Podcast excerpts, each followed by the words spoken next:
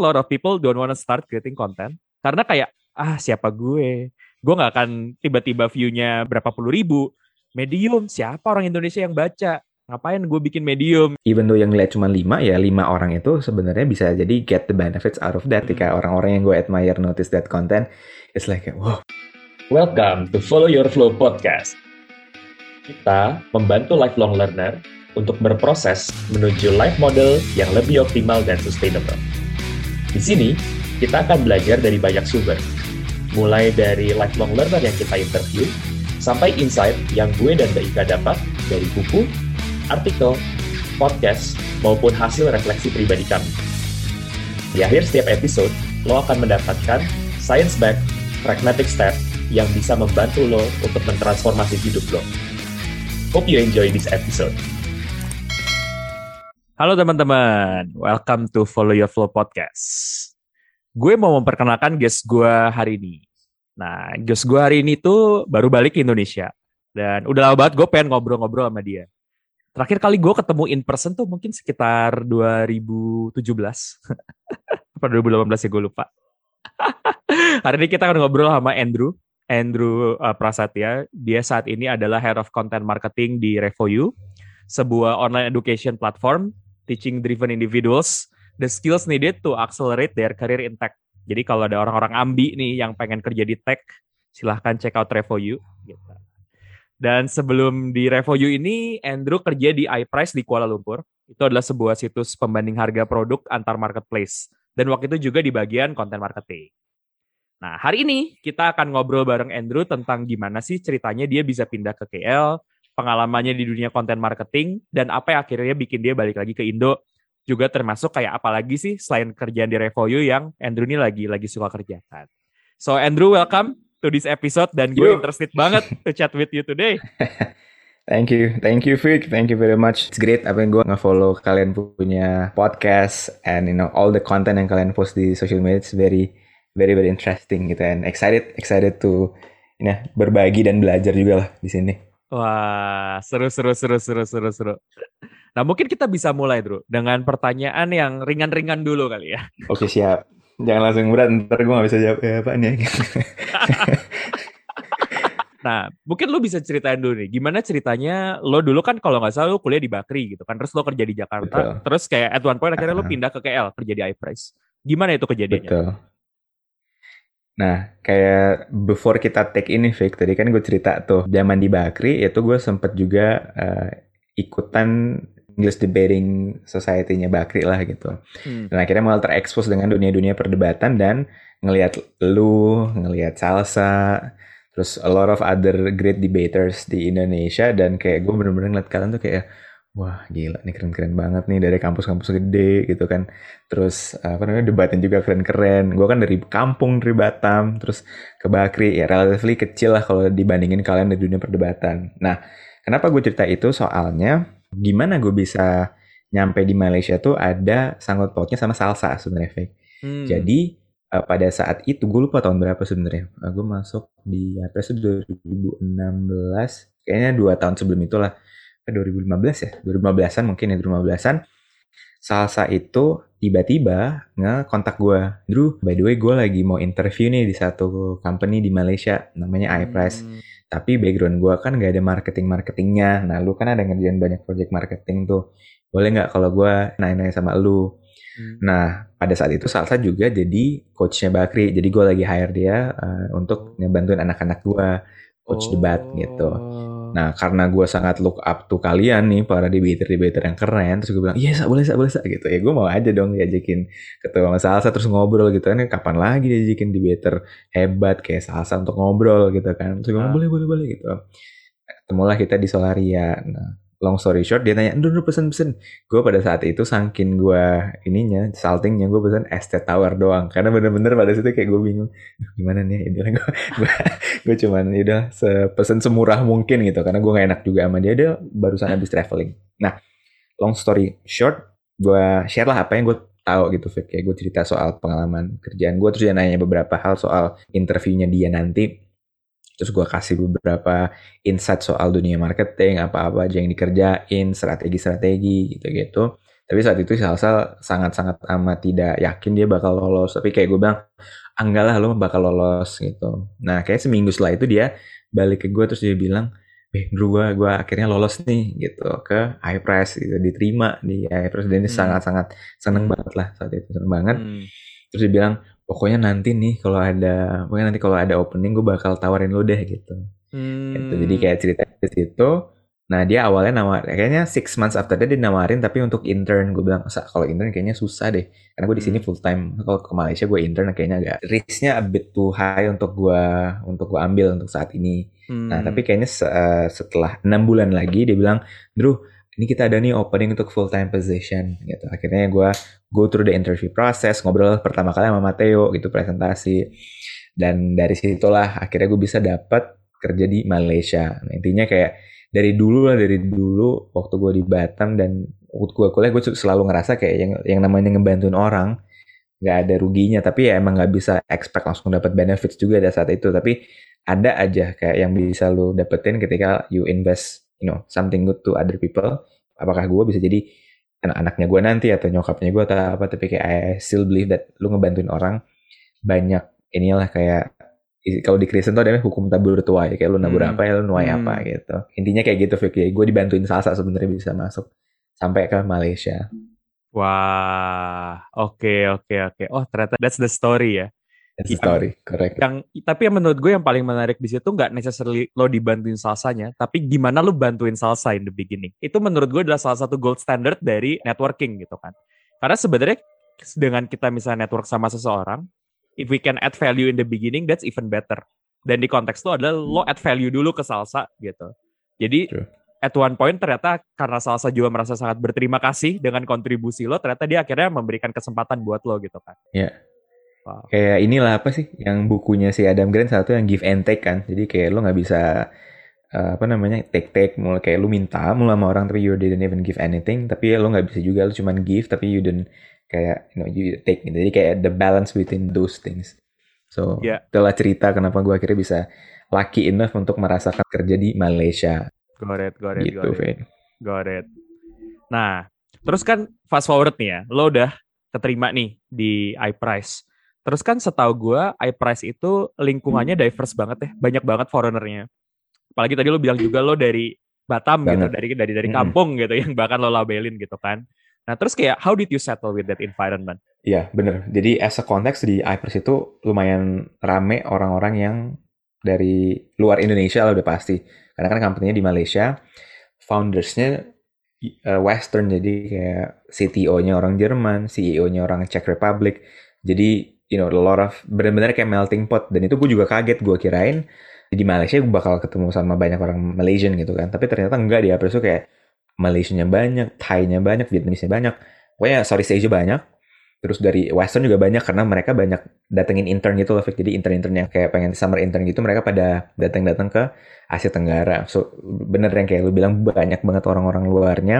Dan bener-bener kayak wih jadi akhirnya one thing yang menarik adalah lu akhirnya ketemu dengan temenan sama orang-orang dari negara lain kayak dari India dari Sweden dari Jerman gitu-gitu kan. Jadi anak-anak kita pada datang dan pada temenan di sana gitu.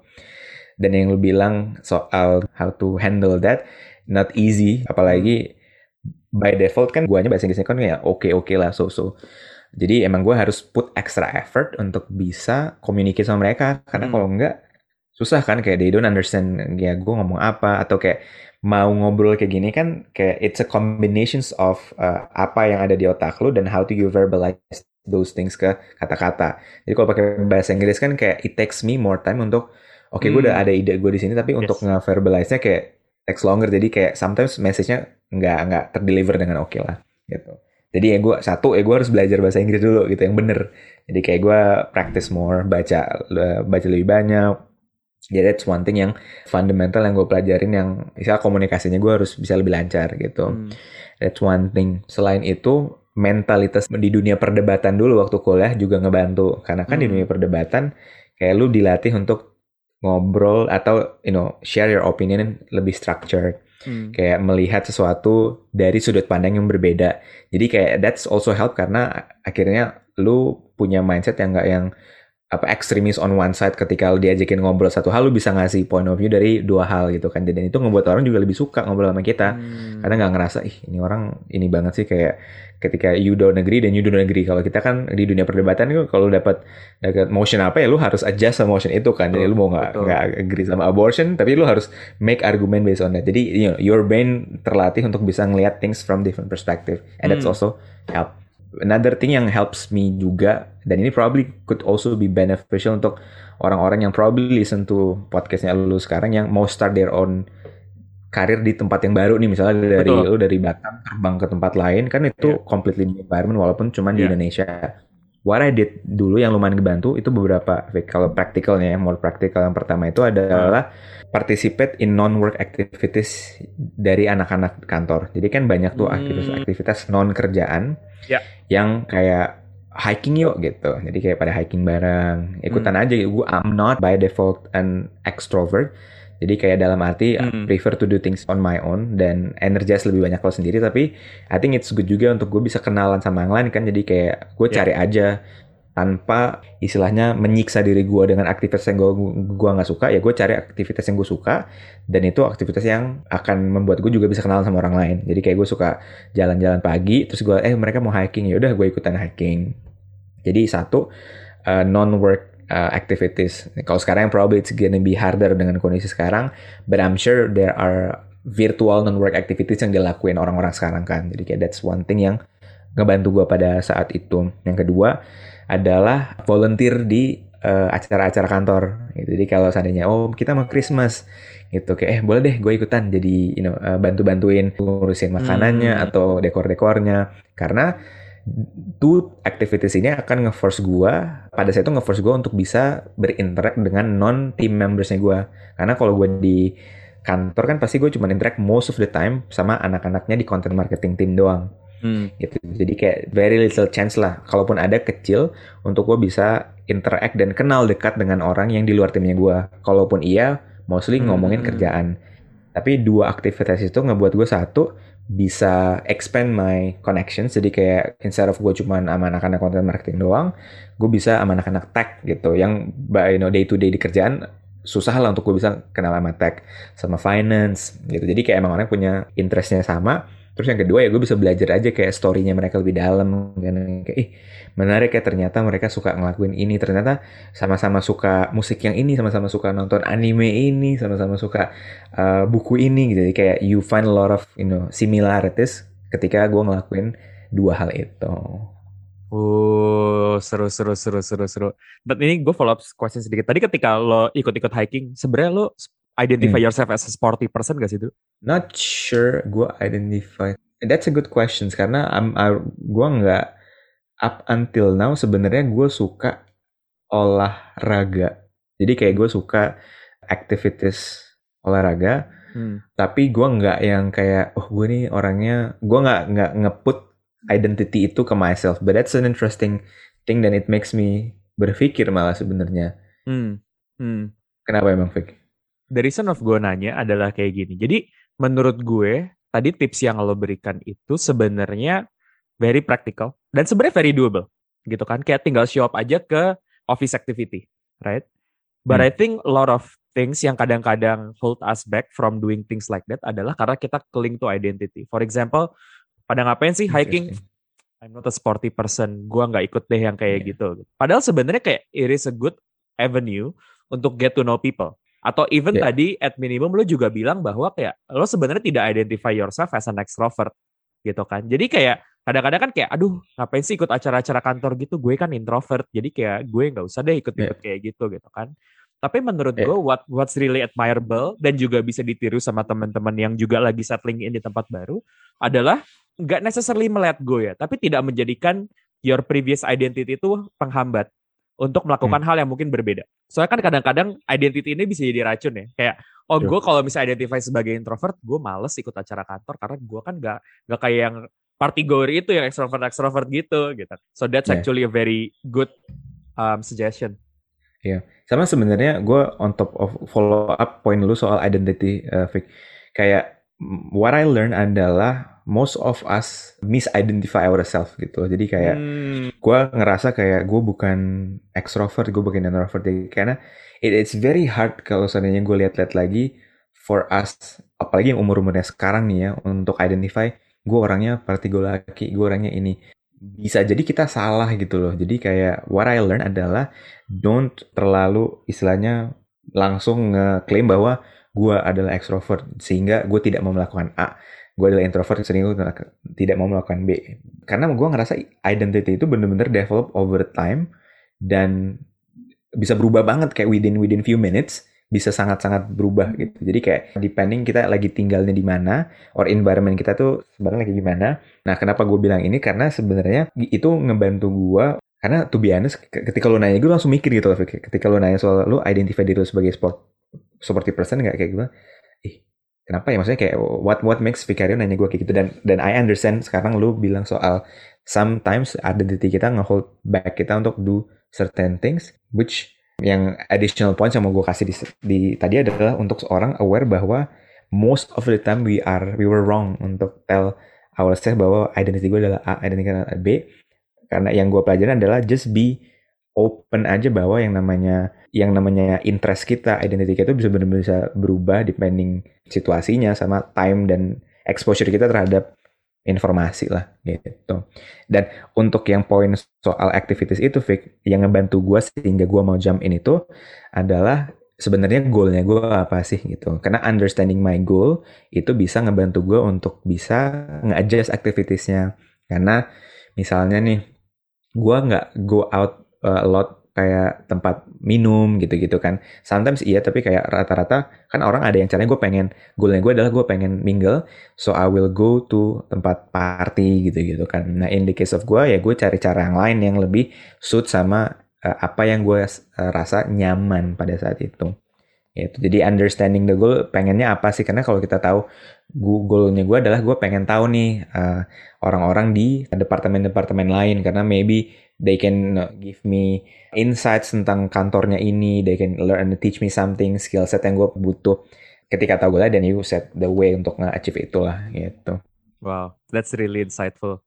Menurut gue yang yang insightful dari yang lo bilang itu adalah the balance between being pragmatic dengan kayak oke okay, gue tahu nih ini goal gue tapi juga to some extent take into consideration kayak sebenarnya apa yang suits you as a person, right? Karena ya. kayak gue nggak tahu if this was the reason, tapi kalau misalnya goal gue adalah gue pengen lebih kenal dengan kolik gue atau lebih pengen tahu kantor kantor gue, ya sebenarnya party can be one of the way. Cuma biasanya kalau di party fokusnya bukan ngobrolin hal seperti itu gitu. Yeah. Ngobrolin hal seperti itu kan lebih kayak kalau misalnya kita lagi hiking atau yang kayak lagi kumpul rame-rame gitu kan sambil makan. True. Right? True, true.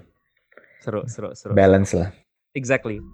Nggak tadi kenapa gue kepikiran nanya soal sporty person karena pas banget kemarin ini gue baru nge-facilitate sebuah webinar gitu dan ngebahas okay. tentang stress management, anxiety management. Terus ya okay. obviously kan kayak yang salah satu tips paling standar ketika lo ngomongin managing anxiety atau stress adalah olahraga gitu. Karena kan olahraga kan kayak bagus banget buat kesehatan gitu kan. Terus ada pertanyaan yang nanya, kalau gue bukan sporty person, gimana ya gitu? Bisa nggak gue get away from it gitu? Dan speakernya yeah. pun juga bilang bahwa, well, untuk lo berolahraga, you don't have to identify yourself as a sporty person. Gitu. Karena just do the activity gitu in the way that works for you, you can still get the benefit karena balik lagi ke tujuannya apa seperti yang tadi lo bilang. Yeah.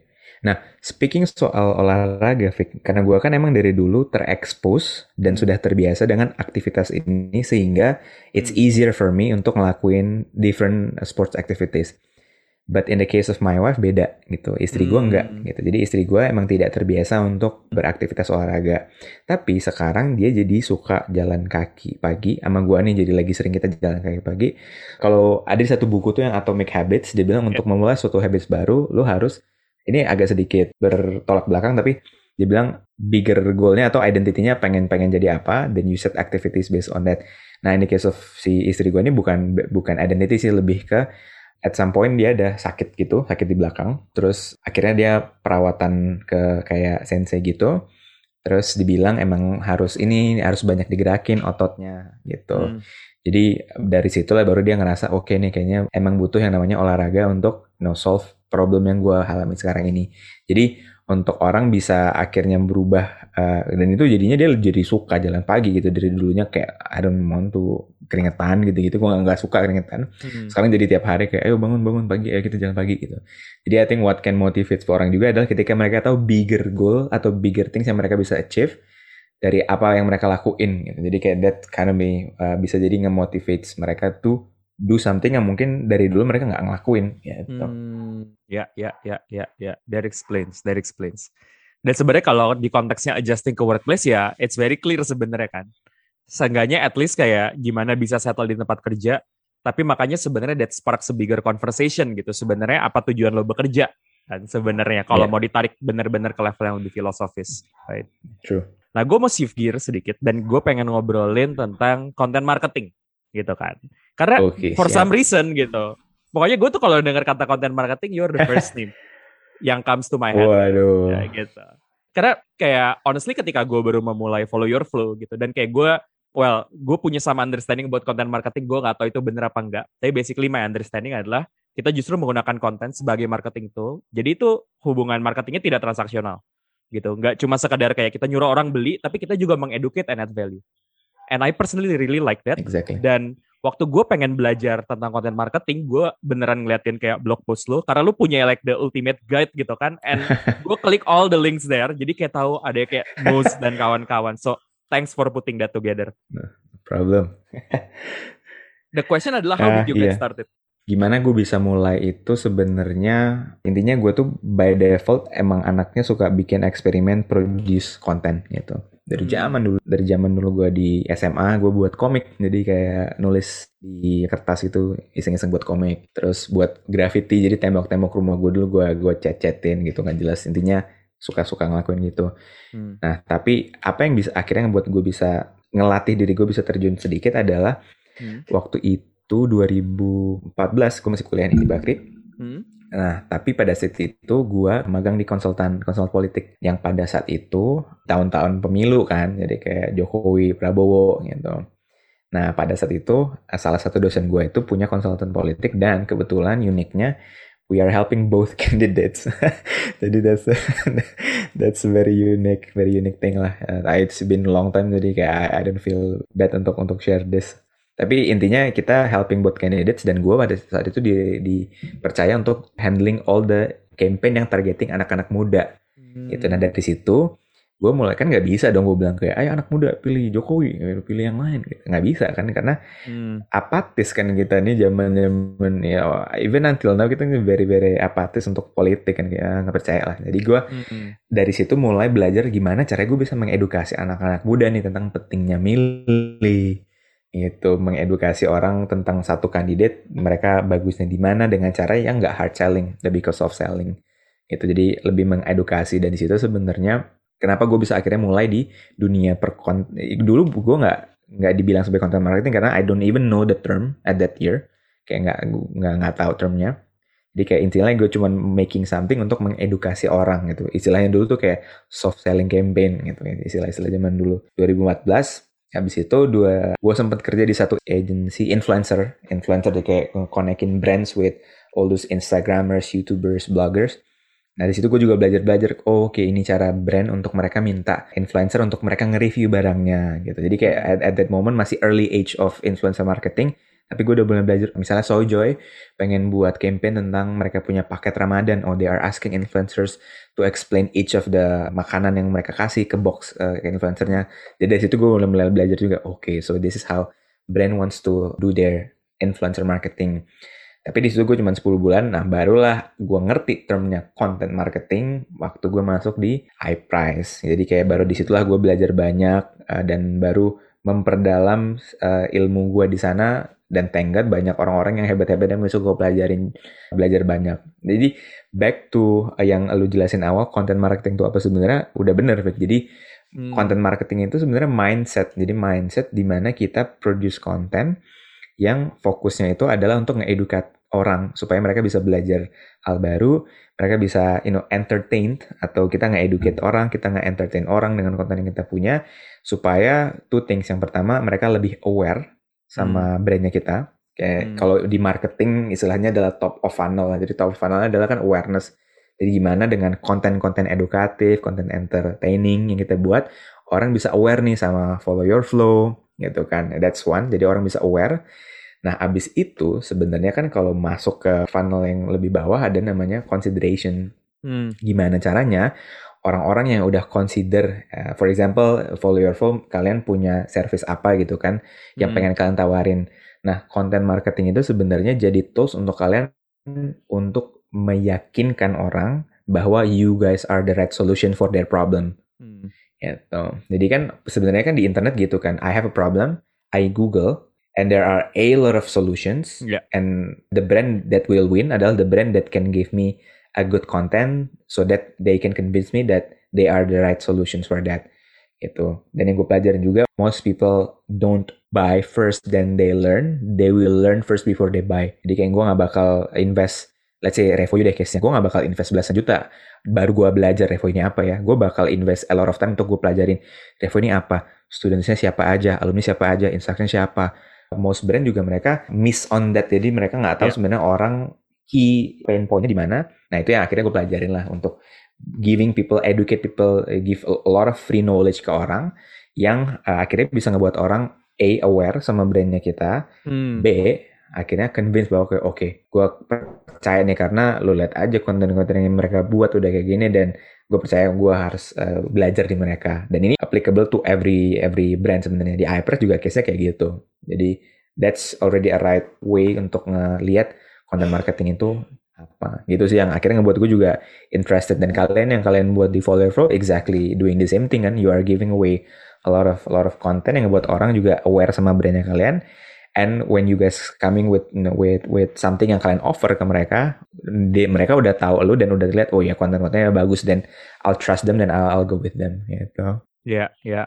exactly. Halo teman-teman apakah lo sedang berada di dalam situasi ini situasi di mana lo merasakan krisis stuck loss baik secara karir maupun kehidupan atau lagi bingung memilih di antara beberapa pilihan bisa jadi Mungkin juga lo sedang mengalami kesulitan untuk membangun habit yang sustainable. Nah, kita pengen bantu lo melalui course gratis yang namanya Setting Up Your Minimum Viable Priorities. Di course ini, lo akan belajar tiga hal. Pertama, melihat hidup lo secara lebih holistik, karena you are not your work, and there is more to life than just work. Kedua, menentukan prioritas jangka pendek, menengah, dan panjang. Ketiga, menentukan langkah konkret untuk membuat prioritas lo selangkah lebih dekat menjadi kenyataan. Di course ini, lo akan mendapatkan video berdurasi 45 menit yang bisa lo tonton kapan aja dan di mana aja. Dan lo akan mendapat workbook yang bisa lo pakai untuk mempermudah proses refleksi lo. Semua ini gratis. Yuk, dapatkan akses ke course ini dengan mengunjungi website kita di www.followyourflow.id www.followyourflow.id Gila ya, maksudnya kayak I think gue nggak tahu apakah event sekarang itu udah term yang populer banget gitu ya. Gue kan tahu dari dari salsa gitu kan. Dulu kan waktu salsa pindah ke iPress juga, lo ngerjain apa sih di iPress gitu? Konten marketing, fake konten marketing tuh gini gini gini gini. Terus kayak itu tuh pertama kali gue tahu. Jadi kayak wow gitu. Kalau pemahaman gue bener gitu. Sekarang this is like really really really really big gitu, right? Kayak semua orang yang punya YouTube channel, yang bikin konten di podcast, yang bikin microblog, it's essentially content yeah, marketing kan. That's true, that's true, bener. Karena kalau dilihat in terms of investment, karena nama marketing tuh kan banyak kan, hmm. dan ada yang uh, marketing yang emang giving you a short term goal, sama ada yang long term. Nah kalau content marketing ini mainannya di long term, karena kan to build awareness, it's take, take times and even take longer time untuk build trust. Yeah. Gitu kan. Makanya kayak that's why content is the way untuk bisa buat orang aware sama kita hmm. and slowly bisa trust sama kita bahwa whatever that we say to them itu adalah yang mereka oke okay, modelnya jadinya kayak buat cult. Betul. Jadi kayak lu ngebuat orang yang bener-bener everything yang dibilang sama follow your flow, gue bakal trust dan gue bakal share. Karena emang mereka udah konsisten buat itu.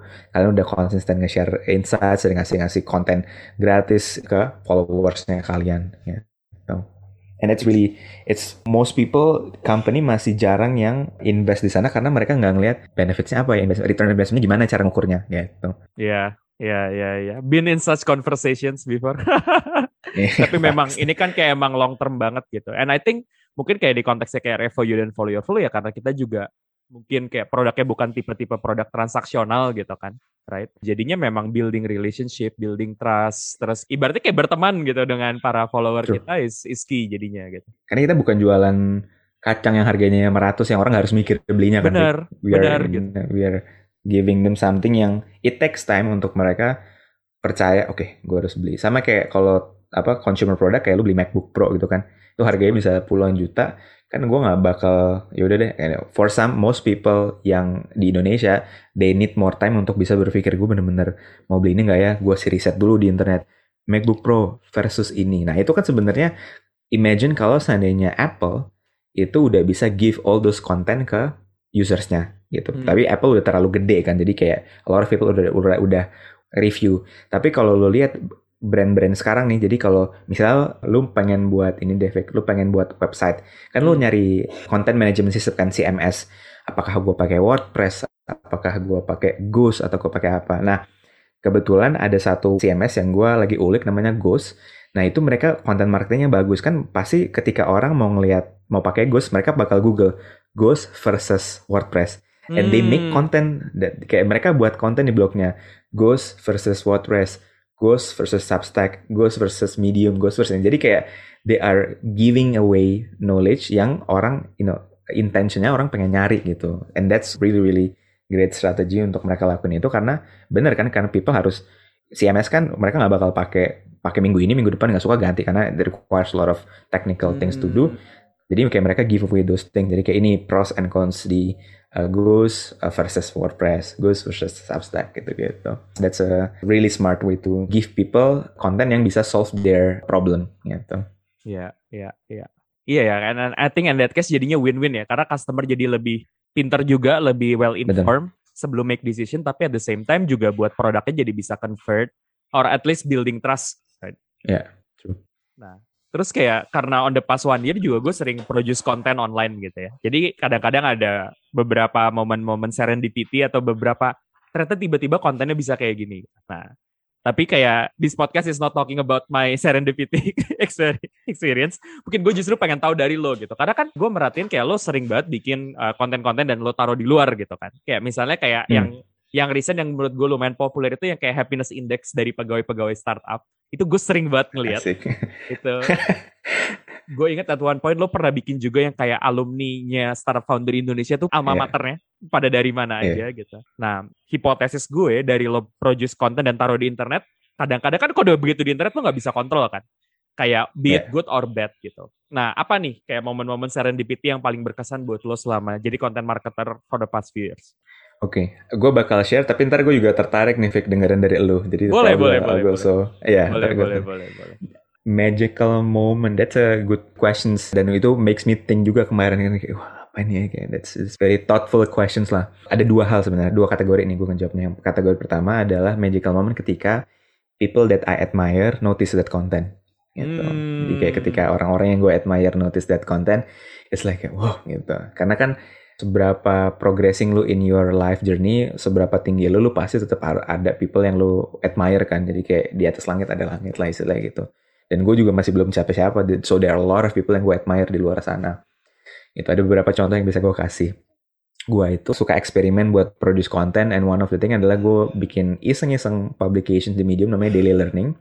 Terus gue sering share-share di Twitter, dan gue sering ngetek-ngetek orang. Jadi kayak misalnya gue abis belajar dari bukunya si Adam Grant, gue bakal buat daily learning, terus gue share di Twitter gue, gue ngetek Adam Grant. Jadi dari buku, podcast, atau film, gue selalu ngetek-ngetek orang yang gue review lah istilahnya. Topik yang mereka masterin. Nah, satu momen itu gue bikin daily learning soal dari bukunya Radical Candor. Kim Scott. Uh, Kim Scott.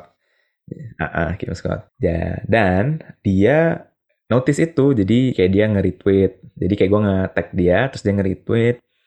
Terus abis itu gue nge-retweet balik ya gitu gitulah jadi kayak anjing anjing ini tuh segitu gitu. Jadi kayak kayak wah gitu. Ini orang yang sangat gue look up tuh dan dia punya pemikiran menarik lah menurut gue untuk para manajer yang kayak gue yang masih belajar belajar gitu kan untuk kayak having hard conversations and being honest tapi without being like a jerk gitu.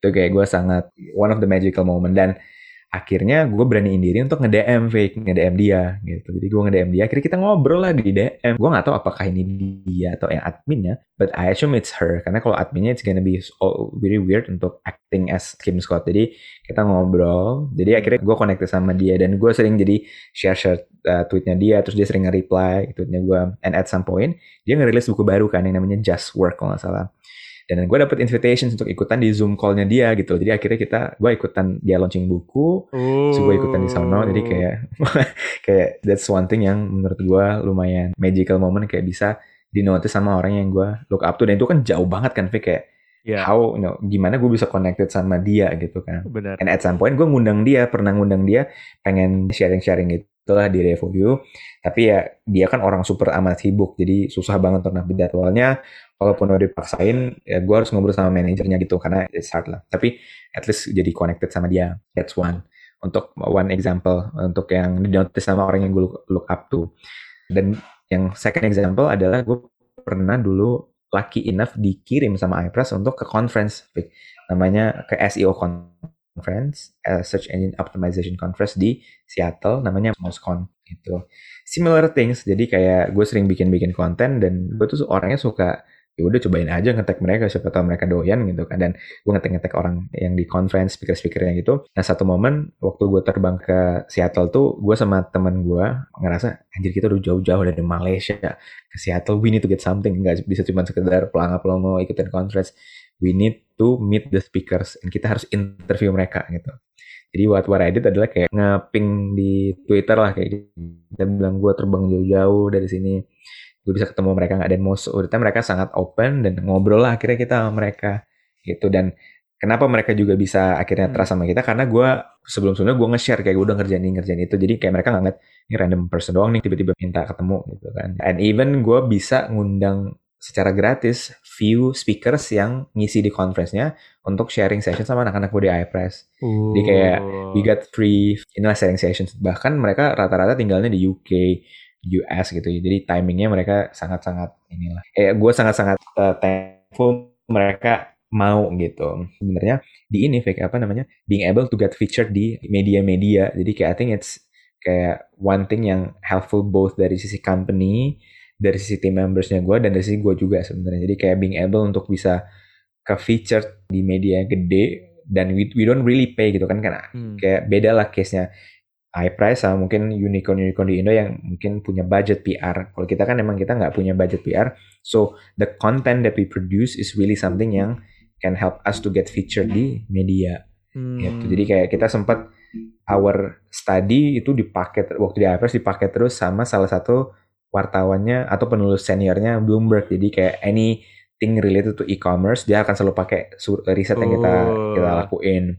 Keren, keren, And that's like keren, keren. oh kan nggak mungkin dia apa cuman sekedar iseng-iseng make konten yang abal-abal kan untuk sekelas Bloomberg gitu kan jadi kayak wow dipakai nih dan terus-terusan dipakai akhirnya kita dapat mention di Bloomberg dan kayak who's ne we will never thought bisa dapat feature di sana itu jadi kayak I think those two things yang ngebuat oh, itu a few magical moments dari semua yang dikerjain dulu gitu I see. Lu sendiri gimana? Coba dong. Gue pengen denger juga. Kayak gue belum pernah tahu ini first hand dari lu deh. Kalau di gue mungkin dua hal yang bikin gue semangat gitu untuk bikin konten. Jadi for for konteks gitu, sebelum gue ngerjain Follow Your Flow tahun lalu, sebelumnya gue lumayan suka nulis di Medium okay. gitu kan. Yeah. Gue cukup bangga untuk ukuran orang yang sambil kerja kantoran lumayan lah, ada beberapa post di situ gitu. Nah, Dan terus kayak in depth kok gue baca beberapa kali. Iya, padahal sebenarnya tujuan gue simple. Jadi awalnya tuh buat gue nulis itu adalah part of my learning goal. Karena gue gue banyak baca buku, tapi gue sering lupa. Jadi ketika orang nanya, okay. kayak lu belajar apa? Gue bisa mengartikulit bener-bener cuma kayak sekulitnya banget gitu loh. Tapi kalau kayak sekarang gitu, yeah. well sekarang gue udah agak lupa. Tapi tiga tahun yang lalu, kalau lu minta gue jelasin satu lot of not giving a fuck, gue bisa jelasin semuanya gitu. Karena gue udah pernah nulis artikel okay. yang kayak nge-summarize buku itu di okay. artikel gitu kan. Nah, jadi dua hal menurut gue yang kayak magical atau misalnya bikin gue tuh semangat juga. Sebenarnya that's not the sole motivation, tapi jadinya menambah semangat.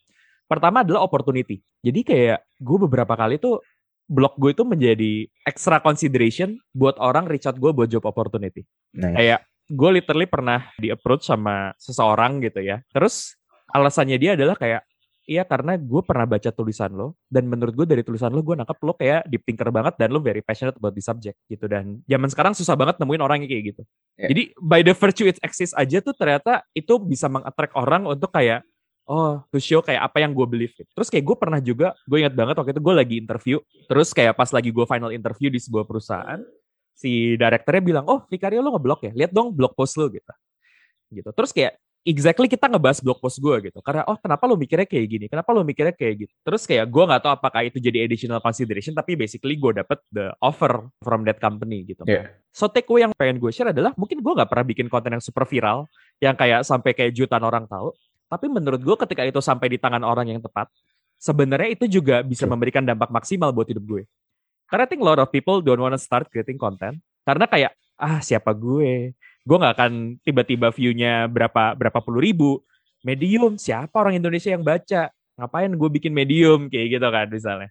Tapi kayak to some extent itu tuh kayak memberikan opportunity-opportunity.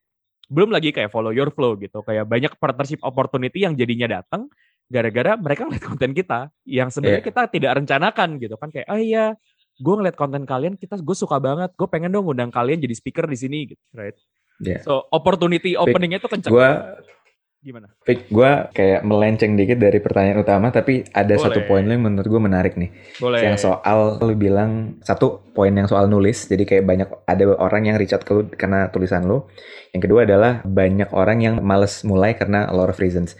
Few things yang bisa gue share dari uh, pengalaman pribadi gue. Yang pertama itu adalah gue agree banget sama soal the importance of putting your thoughts into writing. Karena itu bisa as long as the website is available itu bakal tetap bisa dikonsum orang. Even misalnya sampai gue sampai gue meninggal itu my thoughts itu bakal tetap orang bisa baca.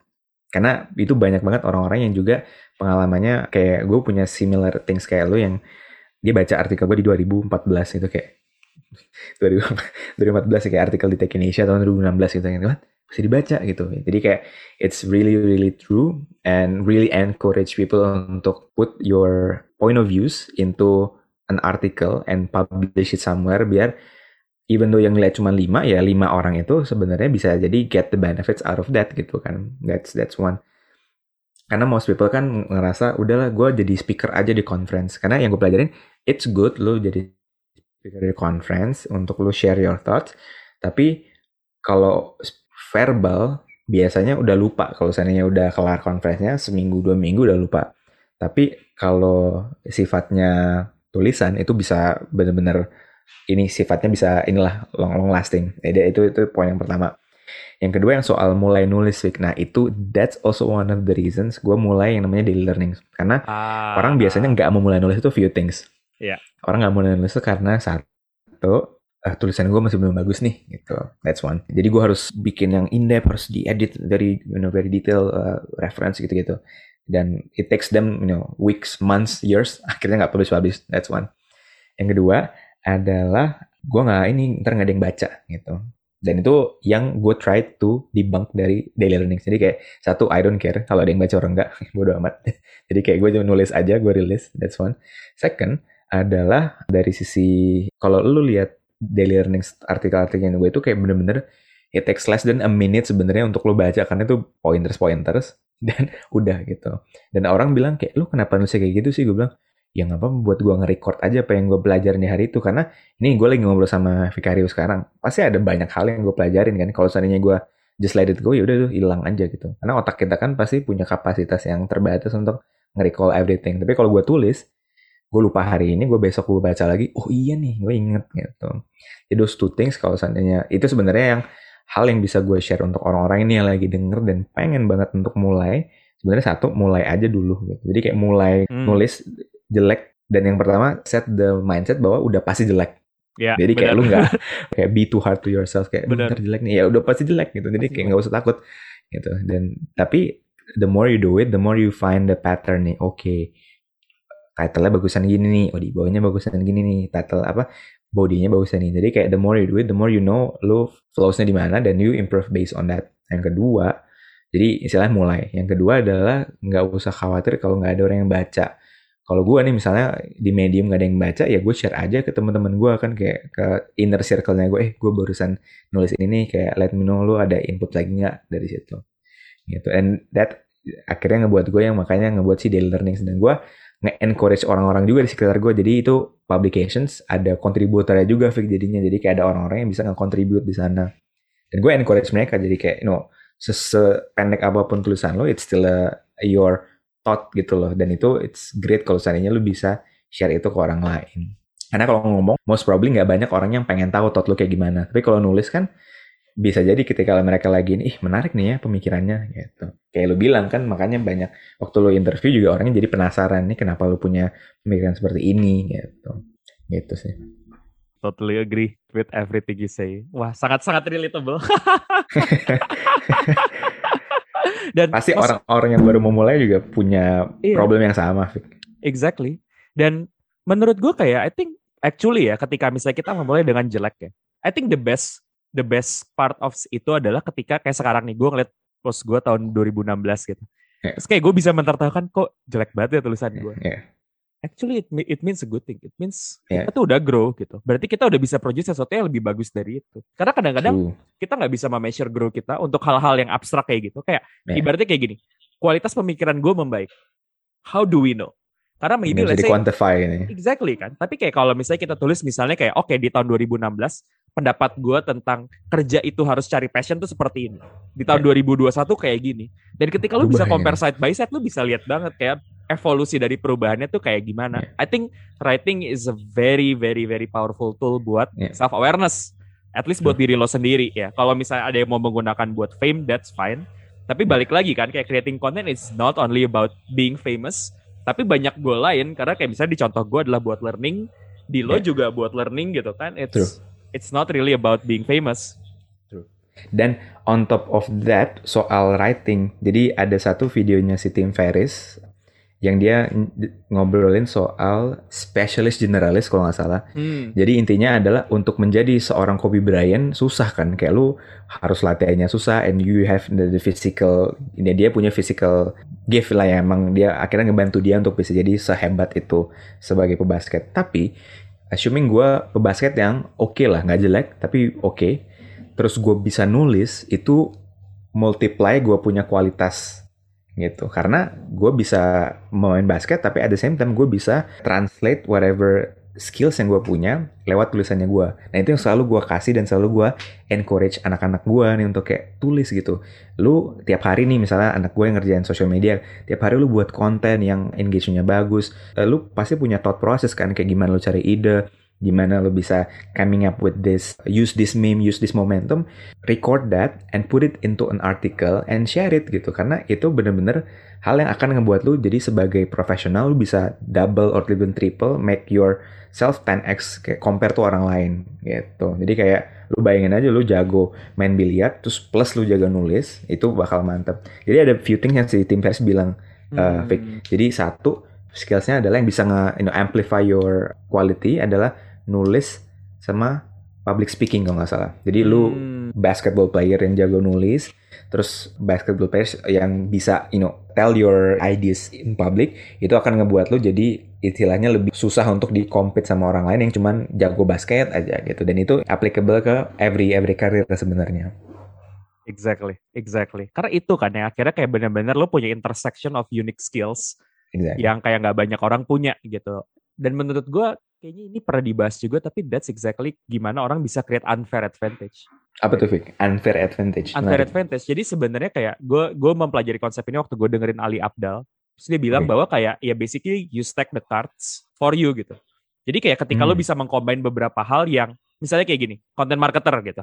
Ya lo mungkin kalah sama orang-orang di US gitu kan. Content marketer Indonesia. Bang, angkanya udah udah langsung kan. Ibaratnya kalau yeah. ini ada list nama, terus kayak di filter udah langsung berkurang gitu kan saya kayak konten marketer Indonesia bahas teknologi makin kecil lagi gitu nah jadi ketika let's say bisa lu bermain di situ gitu saya konten marketer ngomongin teknologi di Indonesia dan ngomongin personal development pem itu kayak bener-bener jadi kecil banget kan jadi kayak ketika yes. we stack all that together itu bisa memunculkan misalnya unfair advantage for your case kayak gitu. Cuma kadang-kadang kita ngerasa kayak ah kayak ini biasa aja gitu. Padahal sebenarnya kayak enggak if you are very careful to stack everything dan exploit ke sana, that can be your unfair advantage. That's true. And that's very interesting concept sih unfair advantage. Oke, okay, oke. Okay. Yeah. Tapi that's yeah. true karena sebenarnya lu yang uh, ini kan kayak once you know bahwa lu bisa mengcombine different skill set dan ngebuat lu unik, itu bener-bener kayak that's the it's gonna be the key dan ngebuat lu kayak you know 10 times better compared to kompetitornya lu lah di situ. Exactly. Exactly. Wah gila sih kayak kayak kalau tidak terbatas waktu I think we can talk for hours karena kayak gue gue kayak, kayak gue udah lama banget kan kan ngobrol sama lo kayak yeah, iya, ternyata kayak banyak banget so many things we can talk in common. So maybe gitu kayak biar yeah. gak terlalu lama juga for for this podcast. Maybe one final question for you Drew. Gitu. Yeah. Um, tadi kan kita udah banyak kebahas gitu ya kayak karena content marketing juga part of your career. Gue penasaran banget kayak what's your most profound lesson for the first five year of your career? Oke, okay. uh, the biggest, biggest, biggest yang paling learning yang paling sangat amat gue pelajarin dan it's also the hardest adalah being a great manager or leader gitu. Hmm. Karena I think miskonsepsinya gue adalah being a manager or a leader itu kayak lu udah di inilah udah ada orang yang emang cocoknya jadi sana hmm. jadi manager jadi leader hmm. kayak saya salsa tuh kan gue ngeliat eh dia very caring orang-orangnya orangnya sangat very caring you know artikulatif gitu orangnya kan. Jadi orang mengerti. Nah di case gue kan gue enggak gitu kan. Satu gue enggak uh, extrovert. Jadi it's harder for me untuk bisa understand everyone yang gue manage gitu. Terus ya intinya karakteristik gue beda lah sama salsa. Nah dan it's gue struggling banget di awal-awal journey karirnya gue sebagai manager. Kayak a lot of people I thought that I'm doing a good job. Turns out I'm not. Jadi kayak typical problem you know problem classic managerial lah. Kayak self awarenessnya rendah banget gue waktu yep. itu. Dan uh, I think that's the moment yang gue belajar bahwa yang pertama being a manager itu it's it's a journey yang sebenarnya bisa dikerjain tapi it's not, a, not an easy journey. Gitu. Yeah. jadi kayak lu uh, a lot of things yang harus lu ubah mindsetnya yang harus lu pelajarin skillsnya, yang harus lu istilahnya harus lu invest your emotional investmentnya tinggi gitu, karena you are managing people gitu kan. It's not kayak, kayak lu kayak ngedein anak gitu so that's that's very very hard. But the results itu very rewarding gitu. Dan dan itu yang gue pelajarin juga dari si Matteo. At, at some point gue udah pernah mau quit kayak udahlah kayaknya gue cabut aja jadi managerial gue balik ke individual contributor aja I'm not sure I can I can handle the stress situations untuk menjadi seorang manager gitu. Jadi kayaknya gue jadi ini aja individual contributor aja gitu. Hmm. Nah tapi gue diomelin waktu itu diomelin sama si Matteo kayak you know gue jadi manager it takes me years untuk gue bisa belajar and lu baru setahun dua tahun lu udah mau cabut gitu kayak lu lemah banget gitu jadi kayak gue di diomelin lah waktu sama si Matteo dan habis itu gue terbuka kepikirannya kayak wah iya ya bener juga ya kalau seandainya gue quit di sini berarti padahal journey-nya panjang emang panjang gitu. Jadi kayak dari situ gue belajar untuk mengerti bahwa it's a long a long game. Jadi long term long term game. Dan gue harus belajar. Dan it's not nggak akan ada yang namanya finish line kalau untuk jadi manager. Karena kayak you ya semakin apalagi kondisi sekarang gitu kan kayak you know the situasi lagi parah kayak gini. Dan you know a lot of emotional things yang harus lu invest untuk make sure anak-anak lu sehat dan you know both physically and emotionally gitu kan. Jadi kayak those those things yang I think in the past five years itu belajar banyak banget dan itu give me a lot of learnings both dari sisi my personal you know personal life jadi hubungan gue sama istri sama juga untuk my professional life which is di kantor gitu. Jadi kayak gue belajar banyak dari all the mistakes and the failures yang gue hadapin dulu waktu awal-awal gue jadi manager di iPress and based on that gue bisa bawa learningsnya itu untuk di tempat gue yang sekarang di FOU atau ketika gue buat project-project iseng-iseng sama orang atau ketika gue lagi ngobrol-ngobrol kayak gini jadi kayak it teach me a lot of a lot of things jadi yeah, to answer your questions itu that's the biggest biggest biggest uh, lesson yang gue professional lesson yang gue pelajarin the past five years yang amat sangat nge-help gue di personal life gitu. Wow, I think takeaway yang gue dapat tadi dari penjelasan lo bahwa kayak struggle is part of the journey and yeah. it's a long game. Jadi yeah, kayak true. take it easy and we'll get better over time. True. Cuma memang perlu sabar aja.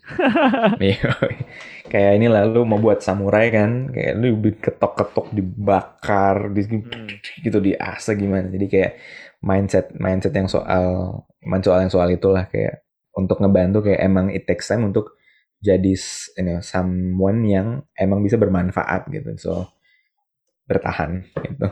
Well said. Thanks banget Drew for your time. Problem. Thank you banget ya udah dengerin episode kita kali ini. Kalau lo suka sama konten ini dan merasa kalau lebih banyak orang perlu mendengarnya, please share this to your network. Karena itu akan membantu mereka untuk menemukan konten ini dan mentransformasi hidup mereka. Jangan lupa juga untuk follow kita di Instagram, karena setiap harinya kita akan post bite-size content untuk merefresh apa yang teman-teman sudah pelajari di podcast ini. Check out our Instagram at followyourflow.id.